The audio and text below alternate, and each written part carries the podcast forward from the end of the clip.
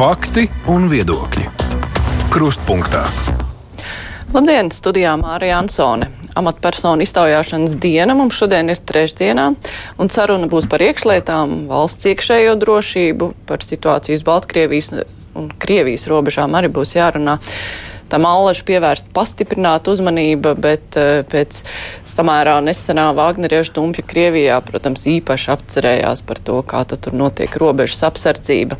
Nevar aizmirst arī tos Krievijas pilsoņus, kuriem uzturēšanās atļaujas turpināšanai nepieciešams nokārtot valsts valodas pārbaudi, bet izskatās, ka viena daļa par šo prasību nav likusies nezinis.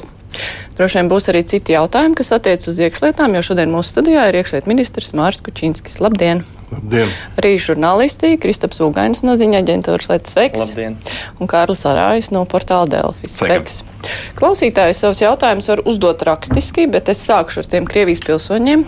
Tur spriežot pēc datiem, sākotnēji, cik tika teikts, kuriem vajag nokārtot tās pārbaudas, cik pieteicās sākumā, cik tagad nesen pieteicās. Izskatās, ka tur daži tūkstoši ir tādi, kuri vispār neko nav darījuši lietas labā. Kas ar viņiem notiks tīri praktiski? Vai viņi tiks meklēti kādā veidā? Nu, ja mēs zinām, ka ir cilvēki, kuriem nav uzturēšanās atļaujas, viņus ķers ciet, vai kā, kāds ir jūsu rīcības plāns? Gan, ja, gan jau neķers, nu, pēc PMLP aplēsēm ir arī kaut kāds diezgan daudzums, arī, kam ir eh, kuriem būtu jābūt Latvijā, bet kur de facto te nemaz nedzīvo. Iespējams, gan Krievijā, gan kaut kur citur un pareizai tikai, tikai šeit, tā kā galas vilksim 1. septembrī. Bet to nu, gan man noteikti ir jāpasaka, ka 1. septembris no tādā ziņā nu, kaut kādai kustībai ir jābūt. Jo tie, kas neizdarīs pat iesniegumu, jo tur vēl ir ļoti daudz arī variantu. Ja tu nevari, piemēram, nokārtot kaut eksāmenu, tu vari dabūt, visticamāk, gan visi var dabūt uh, uh, termiņu uzturēšanas atļauju. Rezultātā tu iegūsi piecus gadus, kurā tu vari iemācīties un pēc tam kārtot vai pilsonību, vai, vai skatīties, ko tālāk dara. Bet, protams, ka šobrīd tas pirmais jautājums būs, cik ar šo iesniegumu atnāks, ja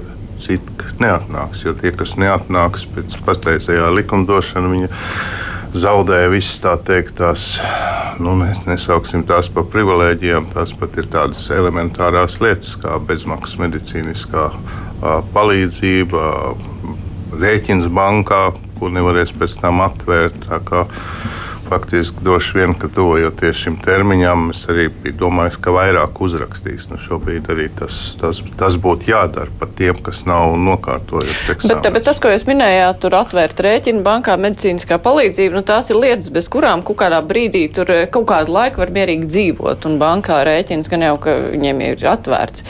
Bet, eh, nu, Kā nu, tad ir? Esošās likumdošanas tad tiek arī saņemts, saņemts, saņemts uh, nu, teikt, saņemts uh, lēmums par to, ka kaut kādā noteiktā periodā, un tie laikam ir seši mēneši šobrīd esošie, tad, tad valsts ir jāatstāj. Nu, tāda ir esošā kārtība. Bet tie cilvēki tiks praksē meklēti rokā, jo nu, ir medības, cilvēki, kuri vienkārši neko noteikti, nedara. Noteikti, ka medības kā tādas nenotiks, bet katrs no mums kaut kur sadurās ar kādām vajadzībām. Un, tur, protams, tas parādās. Nu, es nedomāju, ka tagad notiks kādas medības. Vismaz no mūsu puses tādas netiks organizētas, jo likums ir likums un viss iekšlietu sistēma darbojas saskaņā ar likumu. Tad faktiski ir plānots vienkārši, ja cilvēki ignorē, padarīt viņu dzīvi pēc iespējas neērtāku, ne, bet netērēt Mēs... iekšlietu resora, nu, resursus, lai proaktīvi kaut Nē, kā šo jautājumu risinātu. Es domāju, ka tas tādu vīziju gan neredz, ka tagad kāds, kādas medības pakāpjas. Nē, bet es jau tieši saku, jūs neveicat medības, jūs vienkārši ierobežojat šīs, nu, zināmā mērā, pamatiesības uz bankas kontus kaut ko. Tādas notiek, tādas jau arī šobrīd. Vienkārši mēs ikdienā nepamanām tos cilvēkus, kuriem ar šādu jau kaut kādu notikumu ir bijuši. Tā jau nav, ka likumā tā ir pateikts, un no iekšlietu sistēma šo likumu arī pildīs. Nu, bet, ja jau šim tāda ir, un mēs tā esam vēl, tad vai tam vispār ir jēga, vai šis nav vienkārši tāds deklaratīvs? Nē, tā nav, tā nav deklaratīvs. Vēlreiz tāpēc aicinu, ka 1. septembris. Ja, cilvēki vēlas uzturēties uh, Latvijā, un viņiem ir uh, jānokļūst uh, nu, PMLP uzskaitē. Ja tu pat neesi nolicis šo eksāmenu, tev pietrūcis laika. Mēs gan labojot likumu devām otro iespēju, kas bija loģiski un kas arī kas arī patiesībā novērš kādas to, kas ir iesniegts satversmes tiesā, ir cilvēki aiz, aizsūtījuši apsīdēt šīs normas. Ir katram ir dot otrā iespēja. Ja tev ar otro iespēju pat nav, nu, tad, tad, nu, tad cilvēkam vēl daži varianti paliek. Jā, nu es vēlētos pievērsties tad, uh, varbūt drošības jautājumiem, piemēram, austrumu robežā. Uh, pašlaik uh, Vāgnerieši, mēs zinām, atrodas nu, Baltkrievijā. Uh, kā vispār notiek mums ar šo drošību austrumu robežā, kā, kā notiek uh, robežu izbūve un tā tālāk, vai termiņos? Un... Nu, tie, tie, saistībā ar Vāgneriešiem jāsāk. Tur ir tikai skaitīti cilvēki, un tur var nešaubīties gan mūsu izlūkdienas, gan arī gan, protams, tas ir viss NATO kopumā un uh, par viņu kustībām. Teikt, mēs uh, vairāk vai mazāk esam un būsim informēti. Tāpēc, tāpēc teikt, ka kaut kāda šobrīd no turienes kāda pastiprināta uh, draudi, to es nevaru teikt, ka mums bija bažas un tajā sestdienā, svētdienā ļoti lielas. Un ka mēs par šo tēmu visu laiku interesējamies, to, to gan tas, protams, akcentē uh, nepieciešamību pātrināt tempus uh, robežas izbūvē.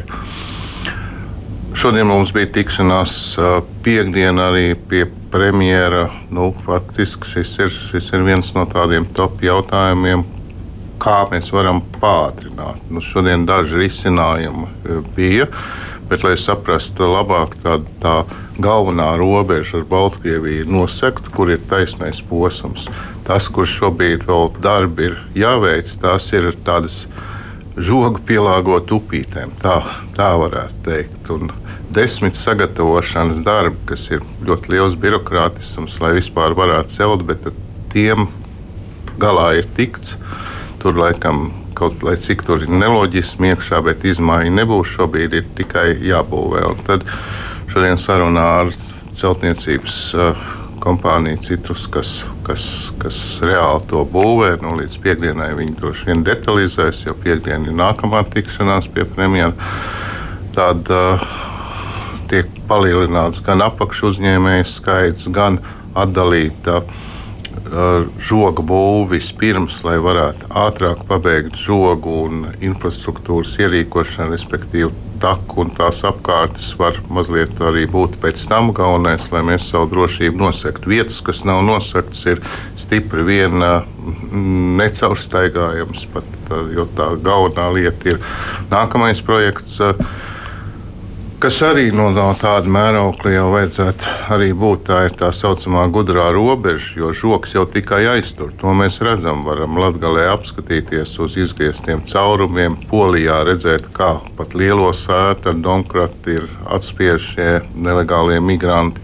Bet tālāk, ja viņi ir nofiksēti, tālāk tas ir tehnikas jautājums, tikai, tikai viņus tā teikt arī noķert. Tur šobrīd līdz augustā notiek izvērtējums.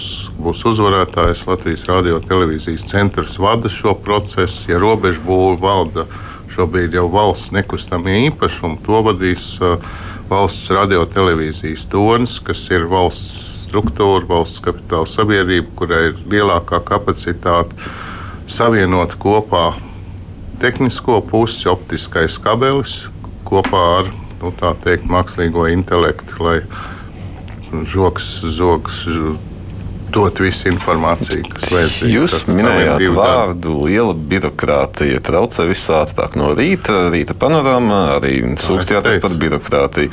Man ir ļoti vienkāršs jautājums. Kāpēc Nacionālās drošības jautājumā, kas, bū, kas robeža ir viens no, no degošākiem nacionālās drošības jautājumiem, nav risināts šis birokrātijas jautājums, kāpēc nav mm. pātrinātās iepirkuma procedūras un kāpēc par, paralēli arī mēs zinām to, cik daudz kriminālu procesu ir un cik cilvēki tomēr neraujās uz tām iepirkuma komisijām, zinot kriminālu procesu īpatsvaru pret uh, iepirkuma komisijas locekļu dalībnieku skaitu. Mm. Jūs jau daudz atbildējāt pat ar, ar savu jautājumu. Ar, ar jautājumu. Tāda ir patiesība. Jo, to, ko mēs sākot pirms pusgada noņēmām, tas ir šo birokrātiju iepirkuma procedūrā. Šobrīd jau tās ir pātrinātā procesā. Pātrinātā procesā ir zemes atsavināšana, respektīvi cilvēki atver rēķinu zemes īpašnieks, viņam tiek ieskaitīta nauda depozītā un birokrātija tiek kārtot pēc tam. Tas process ir krietni pātrinājis.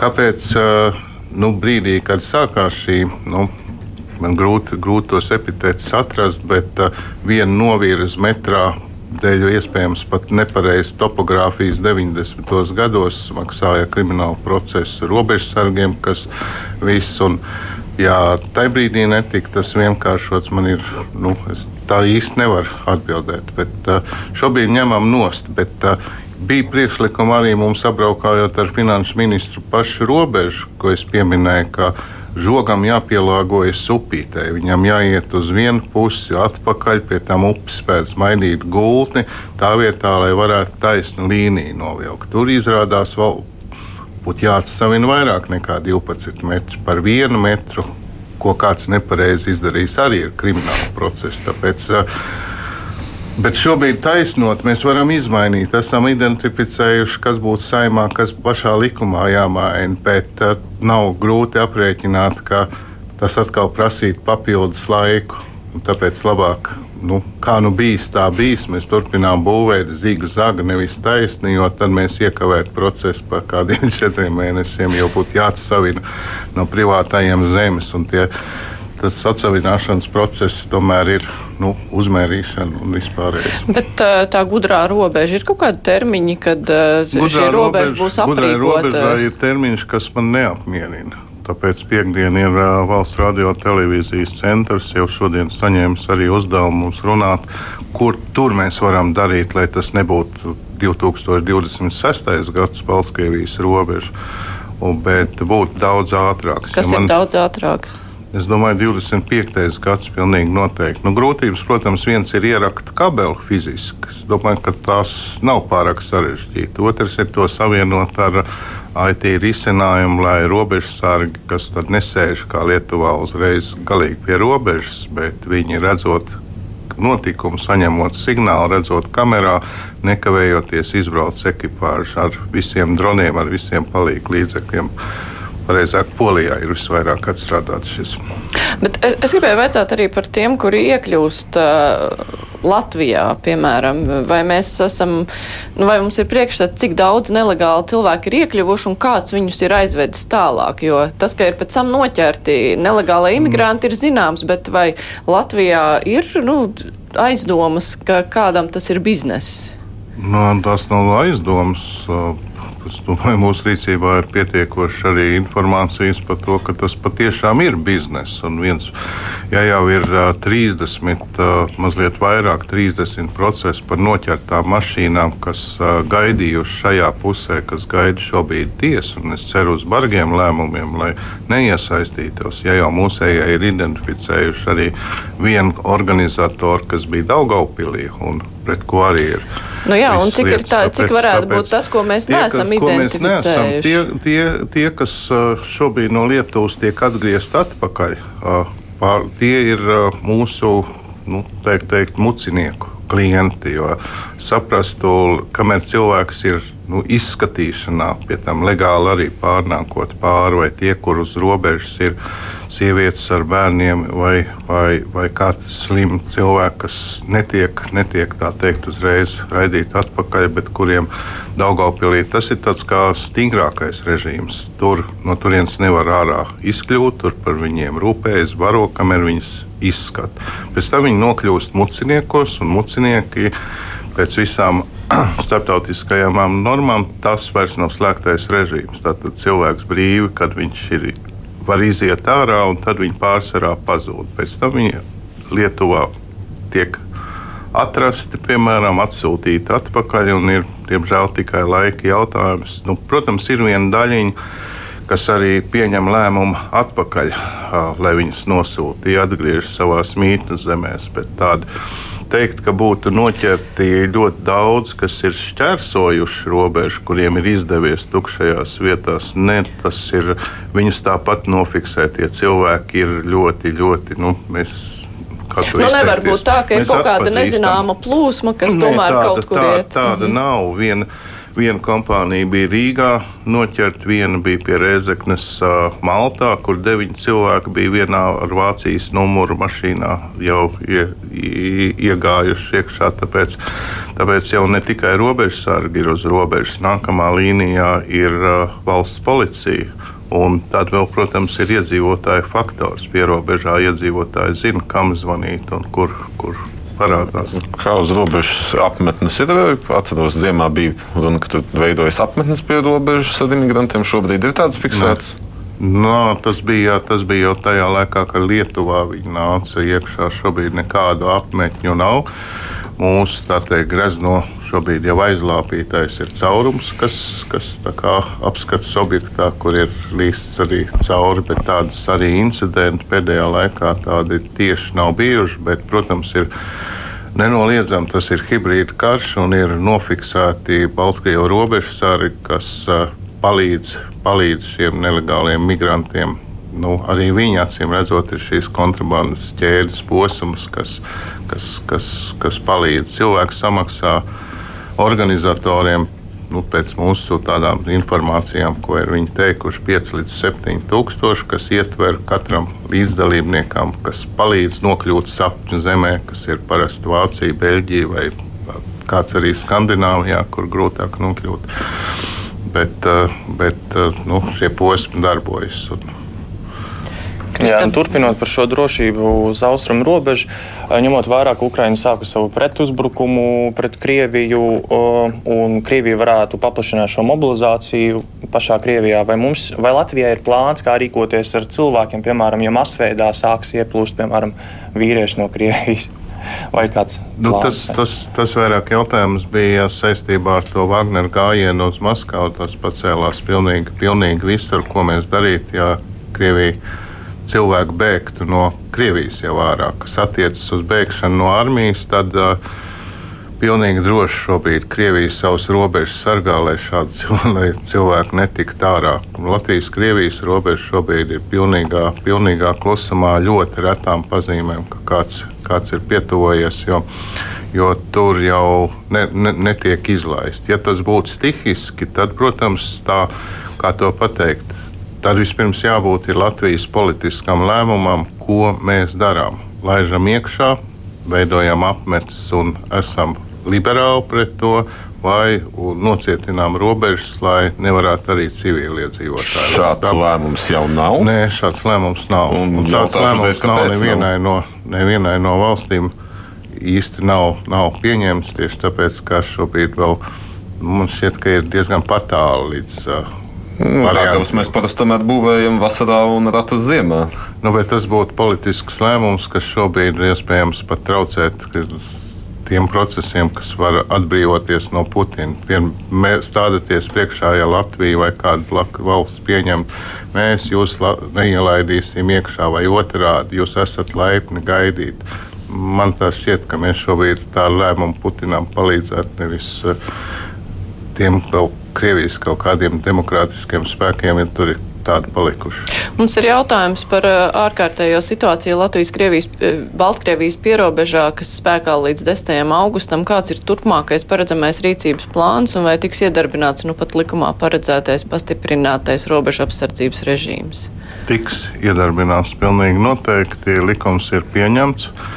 Likums ir pieņemts, un mūsu cilvēki arī to ir jau paskaidrojuši. Arī Eiropas komisijā ir bijusi arī tikšanās, atbildēts uz daudziem jautājumiem, jo mūsu prāt un arī iesaistīto ekspertu prāt tas ir labāks nekā vienkārši visu laiku, ik pa brīdim darbināt, darbināt ārkārtējās situācijas režīmu, jo viņš nenosaka nenosaka vairs pašvaldības plašos apmēros, jo tad nu, tur veidotos kaut kāda nesaprotama zona, dažreiz veidojās, bet, bet tas ir uh, tiek noteikts teritorija ap robežu, kurā nu, faktiski ir, ir, ir tie paši noteikumi spēkā, kas ārkārtējā situācijā tikai viņi ir paskaidroti, viņi ir daudz saprotamāki nekā, nekā abstrakti. Tā kā mēs to noteikti šobrīd darbināsim. Ārkārtējā situācija augustā ir vai nu jāpagarina, bet uh, šobrīd mēs ejam ar jauno, jaunā režīmu ieviešanu. Tā kā drīz, drīz diskusija droši vien sāksies. Mums uh, tas ir jautājums no gribu palīdzēt bēgļiem. Viņi vaicā arī par Ukrainas bēgļu uzņemšanu, jo nu, karš turpinās, viss ieilgst un uh, nav iespēja Ukraiņiem atgriezties mājās vai, un jādomā par integrācijas jautājumiem, darbs, mācības, latviešu valodu. Vai jūs uzskatāt, ka šie jautājumi joprojām ir jāpal, jā, šiem jautājumiem jāpaliek iekšlietu ministrijas pārziņā, ņemot vērā, ka tas viss ir tomēr ievilcies un te jau ir uh, runa mm. lielā mērā par tādu pastāvīgu. Mm uzturēšanos. Viņi jau tā kā nosacīja tikai iekšlietu ministriju un iekšlietu ministrija ir tāda koordinējošā tieši tā. Tāpat par izglītību un reiz mēnesī Ministrs kabinets arī izskata esošo situāciju par izglītības jautājumiem, atbild izglītības ministra. Un, un katram, katram ir sava tēma, un kamēr karš turpināsies, es nedomāju, ka mēs kaut ko no tā veiksim. Jautājums būs droši vien, kā jums taisnība par to, ka vajadzētu vairāk strādāt uz integrāciju, vairāk uz darba tirgu, iekšā, piemēram, nu, un polijā, varbūt tur vajag būt kādam citam koordinējošajam. Es nedomāju, ka tur koordinējošā ir. Akcents var salikt arī pie tā, un dzīvē jau tā ir, ja kāds var pavilkt un vukts parādīs, un iekšliet ministrija, ka var nokoordinēt, tad mēģināt dabūt uz citu. Es domāju, ka, ka mēs pat īsti necīnīsimies par to. Turpinot par drošību, bet varbūt informatīvās telpas drošību. Pie mums atbēga uz Latviju diezgan daudz krievu mēdīju. Nu, par došu zinām, kā beidzās. Bet nu, arī izskanēja bažas, ka varētu būt, ka nu, mēdījis, tad varētu būt pietuvinātība kaut kāda FSB grupu vai citām Krievijas spēku struktūrām. Un jautājums tāds, nesaucot ne vārdus, ne mēdījus, neko, vai ir bijuši saņemta informācija, ka kāds no šiem te žurnālistiem, kas ir meklējis Latvijā patvērumu, tur iespēja strādāt, ir tomēr bijis kaut kādā mērā saistīts ar Krievijas spēku struktūrām, vai tur gūs apmācību, vai bijis aģents vai kā. Nē, katrs, katrs cilvēks tiek rūpīgi arī izskatīts. Un es tieši tas ir izstāstīšu mehānismu, kā ir, un man liekas, ka došs piemērs arī tīri tā morāli iedeva, iedeva tādu signālu, ka mēs jūs redzam, un, un ja jūs esat Latvijā, jums vienalga saistoši ir Latvijas likumdošana, nevis kaut kāda cita. Un, un tieši šobrīd tas mehānisms, kas ir uh, arī norunāts daļai formāli arī ar likumu, bet arī neformāli mēs esam ar ārlietu ministriju vienojušies, ka pirmais iets ir viņi. Viņi ved sarunas ar tām raidorganizācijām, kā BBC, Deutsche Welle, un viņi gan bijuši arī pie manis. Ir, ir. Un, uh, viņi ir tie, kas, kā viņi saka, arī pašrūpīgi atlasa. Pēc tam ir nākamais, pēc ārlietu ministrijas sieta, nākamais ir valsts drošības dienestas siets. Tikai tad viņi, viņi nokļūst uh, Latvijā. Mēs uh, konceptuāli atbalstām to, ka Krievijas auditorijai ārpusē ir jādod šīs ziņas, tāpēc mēs dodam šīs iespējas, vienlaicīgi pasakot, ka mūsu likumi ir, ir, ir jāievēro. Bet, nu, pēc došķa arī nav bijis neviens precedents, un uh, cilvēki ir diezgan saprotoši, un arī šie uh, raidošās organizāciju nu, vadītāji, vismaz sarunā ar mani, bija ļoti, ļoti saprotoši, kā, kā viņi novērtē to, ko mēs dodam, un respektē, respektē arī mūsu. Jā, gribēju jautāt, kas tieši neapmierināja jūs, nu jau bijušā iekšē, iekšējā drošības biroja priekšnieka darbā, ja reiz lēmāt, ka viņam amats jāatstāj, un kāpēc šo amatu netika organizēts konkurss, bet izvēlēts jau konkrēts cilvēks? Es šobrīd, ja sāk no beigām, tad cilvēks, cilvēks, cilvēks nav nozīmēts, jo mūrniekungs uh, pilnīgi nekavējoties nākamā dienā pēkšņi saslim un nav atgriezies. Tāpēc no slimības lapas. Tāpēc, tāpēc, protams, šis process, process vēl ir uz jautājuma zīmes, ko šobrīd ir vietas izpildītājs, pienākumu izpildītājs. Pilnīgi droši es varu teikt, ka iekšējais drošības dienas labi strādā un, un, un ir, ir, ir šobrīd pietiekoši labā kondīcijā. Mūniekungam pienāca 50 gadi, un es tomēr kas ir izdienas pensija laiks, lai cik viņš ir nu, tā teikt, tā agrs. Bet, bet šādā gadījumā es nenācu pretī ar, ar kādu termiņu pagarināšanu. Kas attiecas uz robežu, nu, tas ir tas pats par prioritāšu arī sašķirošanu nu, par visu. Neapšaubām es esmu pateicīgs viņam par darbu un iekšējām drošības dienestiem, par visiem blēžiem, par noķertajiem policistiem, jo nav struktūras un starp pieciem tūkstošiem vienmēr kāds gadīsies un kas, kas, kas pārkāp likumu. Tāpat to likumu arī pārkāp arī, arī robežsargi, bet jautājums droši vien kādreiz vai ir citas struktūras. Nu, ir jāuzrauga un struktūrai ir jābūt. Uh, nu, tā pašā laikā, protams, mums jau jāšķiro arī kaut kādā ziņā samērīgums. Es esmu ļoti priecīgs un ticat man arī dienestu vadītāji, gan Ruka kungs, gan Pujāta kungs, kas vada, ir priecīgi, ja kāds viņiem pasaka, jums tur blēdības iekšā vai kaut kas notiek, nekavējoties cilvēki jau tiek arī atstādināti. Bet, nu, protams, ja prioritāte ir mērīt metrus un reaģēt uz tādu, tad, tad tās prioritātes mazliet varbūt Un tā es cerētu uz tādu attieksmi, uh, pašķirot, kur ir noziegums un kur ir uh, lietas, ko var novērst arī bez skaļiem arestiem, kas, starp citu, robežsargu gadījumā nepie kā nenovērta. Uh, atstādinātais robežsargs par to, ka bija šie nelaimīgie metrs, bija uz vienu pusi nepareizs. Šobrīd vienkārši par bezkontroli ir līdz tiesai aizgājis, nevis, nevis par kādu zakšanu. Pujāts, nākamais vadītājs, kas tika arestēts pēc mēneša, ir ārā. Vairāk robežsargi dabūja gan kratīšanu, gan viss. Bet, ir, bet saprotat, ne jau par to, ka viņi kaut ko zaguši, ne par to, ka viņi kukuļus ņēmuši, bet par, bet par aizdomām par to, ka kaut kas no šīm birokrātiem šīm normām nav atbildes īstenībā. Rezultātā mēs esam iedragājuši ļoti svarīgas struktūras, kas ir robežsarga prestīža. Pie tam nevis tāpēc, ka viņi ir slikti, bet tāpēc, ka par viņiem runā tādu. Mēs esam iedragājuši jauniešu vēlēšanos iet strādāt šādās vietās. Nu, faktiski prioritāšu šķirošana es gribētu, lai katrs katrs drusciņā ar galvu strādāt arī ne tikai, ne tikai, ne tikai tā, ka ir kalpot burtam. Un... Mūrnieka vadībā IDB nevajadzēja izvērtēt ne, iespējamos signālus. Nē, signālus vajadzēja, un signāliem bija jābūt. Jautājums ir par samērīgumu, vai tāpēc ir jāarestē. Ja tu arestē, tev jāatbild par to, lai tas arī cilvēks patiešām būtu vainīgs un nonāktu līdz uh, tiesai, kur lemtu, ko tu esi izdarījis ar to. Ja šādi signāli citos gadījumos, es ļoti novērtēju veselu grupu, kas ar auto, autos pārkrautām kravām bija strādājuši. Viņi noķerti. Paldies par darbu. Tas ir, ir daudz arī labi darbi, tāpēc tā gluži, gluži ne, bet nu, ir laikā tomēr tāds mans. Mums klausītājs vaicā, vai iekšlietu struktūrās notiek darbinieku lojalitātes pārbaude? Tas ir tāds tagad jau kļūs, viņš pacēlās šis jautājums pirms jau pusotra gada, vai atceramies, atceramies notikums 10. maijā, nevis 9. Un viss tas ir kļūst par tādu, sauksim par tādu ētikas normas jautājumu.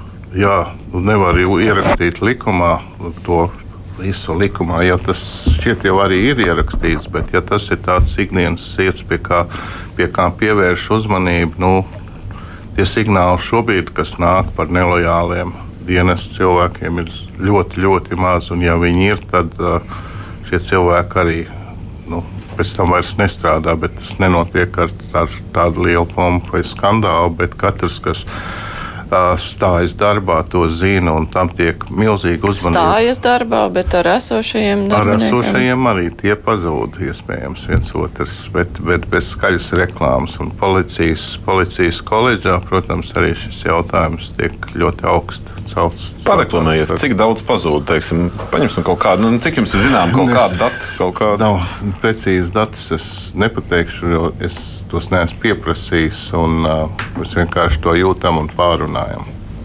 Vēl viens jautājums, ko klausītājs cits sūta. Viņš ir lūdzu pajautāt, kas ir ar Jākapils slepkavu rusiņu, vai ir kādi signāli, kaut mazākā informācija, ka viņš ir dzīves, kaut kur redzēts, kas vispār notiek tajā lietā. Joprojām turpinās, turpinās izmeklēšana, kā jau viņi paši informē par šīm divām versijām, vai nu viņa nav šīs zemes, vai viņš ir. Un, tomēr tiek veltīta lieli, liela uzmanība tam, ka viņš varētu būt. Tāpēc izmeklēšana un meklēšana turpinās. Bet kāda jums tad beigās, kā ministram, secināja par šo gadījumu? Kas tad, kas tad nogāja greizi? Nu, tas jau bija komplekss. Es domāju, ka beigas secinājums jau tāds arī bija. No kā rezultātā arī, arī vairāk lēmumu, kas uzlabo stāvokli, noteikti būs. Paskatoties, kā tagad tiesas reaģē ļoti ātri, nevairs gadu gaida prokuratūras skatu šiem jautājumiem. Nu, ja vēl tas, ko mēs ar centru Mārtu arī runājam, mēs pilnveidojam tās vadlīnijas, kas katram policistam ir uz rokas. Man, mana bāža ir par to, ka šobrīd, nu, pēc inerces kādu laiku, tas noteikti darbosies. Jautājums, vai viņš nepazudīs. Un, ir jābūt tā, lai, lai tā kļūtu par tādu nu, pilnīgi skaidru. Tāpēc man visvairāk šķiet, ka katram, katram, katram šī reakcija ir jāizdara. Nu, jābūt pieejai katram policistam, tam ir jābūt normai, kā aizsargāt. Protams, da, daži jautājumi tur vēl ir izstrādes stadijā, kā, kā, kā minētais vairāk no priekšlikumiem, kas bija par, par uh, signāliem, ko tad var iedot par. par Tas tieši šobrīd ir vēl izstrādes stadijā. Droši vien, ka mēs šo jautājumu paši arī neļausim noiet no dienas kārtības. Nu, kā tad informēšanu, vai, nu, jo nu viens ir ļoti labi, ka šie signāli tie, nu, ka tiek strādāts pie tā, bet kā ar to, potenciālās cietušās, cietušie vispār zinātu, kā viņi var vērsties, kur viņi vērsties. Un iespējams arī tas, kas citās valstīs ir ar īsiņas palīdzību, informēt dienestus kaut ko, ka šādas situācijas ir. Jo nu, nevienmēr nu, cietušiem ir iespēja piezvanīt. Ko, kā, vai, vai tiek strādāts, lai, lai tiktu informēti šie potenciālie cietušie kādām sociālām kampaņām vai ko tam līdzīgu? Nu, mēs par sociālām, būšu godīgs, pas, no mūsu puses par sociālām kampaņā mums uh, būtu labi policistiem lielākas augas uh, pacelt, lai vēl varētu. Bet, kā jau teicu, tam jābūt bez, bez, pat bez naudas un kampaņas. Un, protams, kā ļoti liela loma un joprojām valsts nenovērtē to, ko valsts, es domāju, šajā gadījumā ministrijas vairāk, ko var dot arī pašvaldības. Jo katrā pašvaldībā ir komisija attiecībā uz nepilngadīgajiem, uz, uz bērniem, kurā piedalās vietējie policijas pārstāvji, kurā piedalās visi iesaistītie. Nu, Nu, mans priekšlikums bija, ka šāds arī attiecībā uz šādām vardarbībām ir jābūt vai jāpalielina. Tas arī ir šobrīd diskusijā, jo neviens jau vairāk nevar informēt un parunāt ar jebkuras pašvaldības, varbūt izņēmums ir Rīga un dažas lielās pilsētas. Vietējie zina, kur kas ģimenēs notiek. Tāpēc sadarbībai jābūt ar pašvaldības policiju un sadarbībai jābūt ar valsts policiju, ko arī mēs šobrīd stumjam tā teikt, satuvināt visus kopā. Klausītājs ir atcerējies laikus, kad jūs bijāt valdības vadītājs. Tajā laikā 22 miljoni tika piešķirt, lai samaksātu Vūgatu policijas robežsardzes darbiniekiem par virsstrundām, kas bija pārstrādātas, kad Eiropas tiesa lēma, ka ir jāapmaksā visas stundas, kad darbinieks ir darbā.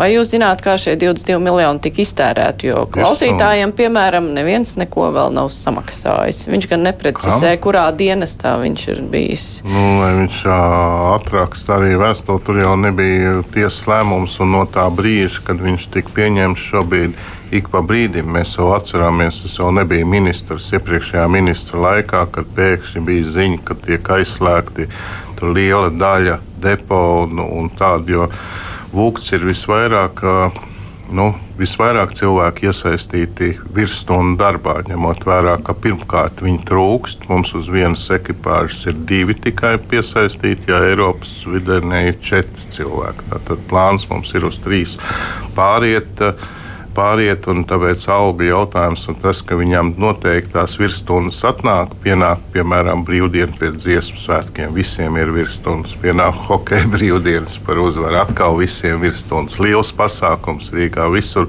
visur vajadzīgi ugunsdzēsēji, tāpēc virsstundas ir diezgan liela norma, tā kā nauda ir ierobežota, tad, protams, ka Vugda vadība cenšas to kompensēt ar brīvdienām, bet ja tev trūks cilvēku, tad nevar iedot arī brīvdienas. Tāpēc esam tādā diezgan lielā abortā aplī, kur virsstundas un virsstundām nepārtraukti viņas tiek maksātas. Un, uh, ik pa brīdim arī nu, viņi sapēd ļoti daudz arī to darbu, ja būtu pilns komplekts, kur varbūt nevajadzētu. Tāpēc tās tiek konkrēti maksātas.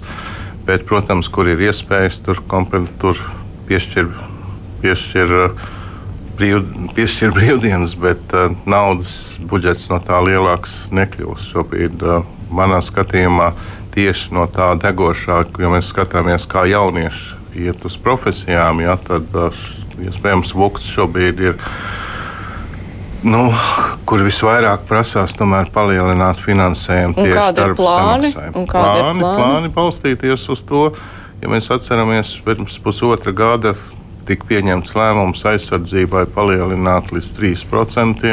Un tobrīd tāds blakus lēmums valdībai bija, kur es kā saimnes deputāts piedalījos arī šajās apspriedēs, iekšējo drošību sabalansēt kopā, kad arī iekšējai drošībai, ka rezultātā ir iekšējai drošībai, gan tiesa kopā prokuratūra. Tas rakstītais ir līdz 2,5% no koprodukta. Un cik no tā dabūs vukts algu palielināšanai to, to jautājums? Tieši tāpēc 10%. Es domāju, tas vārds tiks turēts šajā valdībā. Mēs, protams, nākam ar jauno reformu plānu, balstoties arī uz valsts kontrolas arī ieteikumiem, kāda ir policijai un, un viss. Jo palēnām mēs visvairāk mēs šobrīd zaudējam.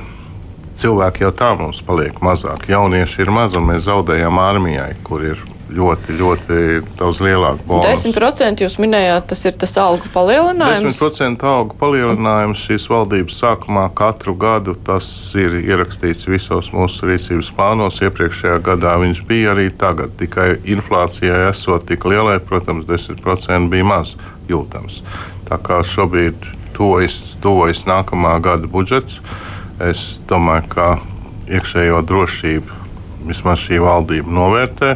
Jautājums, cik mēs varēsim uh, izcīnīt. Nu jā, bet tad, ja mainās valdība, tad tā vienošanās vairs nav.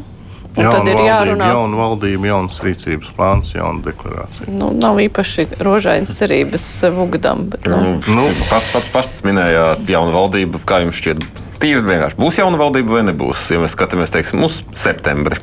Nu, viņa jau īstenībā nu, pret Kariņu kungam pašam būs jāiet, jāno, jā, jāizbeidz šī valdība, jāiet pie prezidenta. To es saprotu, prasu, kā jums šķiet, tīri jūsu viedoklis. Man, man, man tas nešķiet loģiski īsti un arī nešķiet pareizi, bet uh, es, protams, kuro reizi jau saku, es nevaru zināt aizkulisēs un kādu solījumu ir dot. Tāpēc man arī visu laiku ir diskusija arī ar, ar, ar jaunās vienotības arī ministriem par to, es, kā par kaut kādiem pasākumiem rudenī, un šis jautājums, protams, kaut kad ir viņam jāpieliek punkts. Es saku, jā, es šodien ķeros pie darba, bet saprotu, tad darbam ir četri mēneši, bet jūs pasakāt, vai es būšu pēc četriem mēnešiem. Nu, atbildes nav, tāpēc nu, šobrīd es domāju, pēc eh, nu, augustā man šķiet pēdējais brīdis, kad tam jābūt skaidrs, jo, lai saprastu, tas traucē strādāt. Varbūt ne mūsu struktūrā, jo iekšlietu ministrijā ir dienas, dienas strādā, viņiem pavisam citi principi ir, bet, bet uh, ministrijās nu, tur gaida jauns ministrs. Ja, nu, jauna valdība nozīmē tehnisko budžetu visticamākais nākamā gada sākumā. Nu, atkal. Tas jau tā nosacīt, bet tas, tie nav šobrīd mani jautājumi. Es viņus acīm redzot, nevaru iespaidot. Mēs esam pateikuši, pirmkārt, mēs neredzam vajadzības, mēs strādājam un man šķiet diezgan produktīvi strādājam. Ja ir strīdi, tad mēs viņus atrisinām. Sarunas ar opozīcijas partijām ir svarīgas. Mēs arī uz diētu, bet ne šādā formātā, kurā tiek runāts par uh, jaunu paplašinātu valdību vai par valdības nomaiņu. Bet, nu, kā pieredzējis politiķis, cik jūs likt uz to, ka viss paliek pa vecam? Kā pieredzējis politiķis, es izvairīšos no šīs atbildes. Jā, nu labi, tad mēs domājam, ka mēs arī neattīstīsim šo tematu. Mums arī nav laika, diemžēl, attīstīt citas temats, jo ir vēl brīvais mikrofons paredzēts šajā stundā.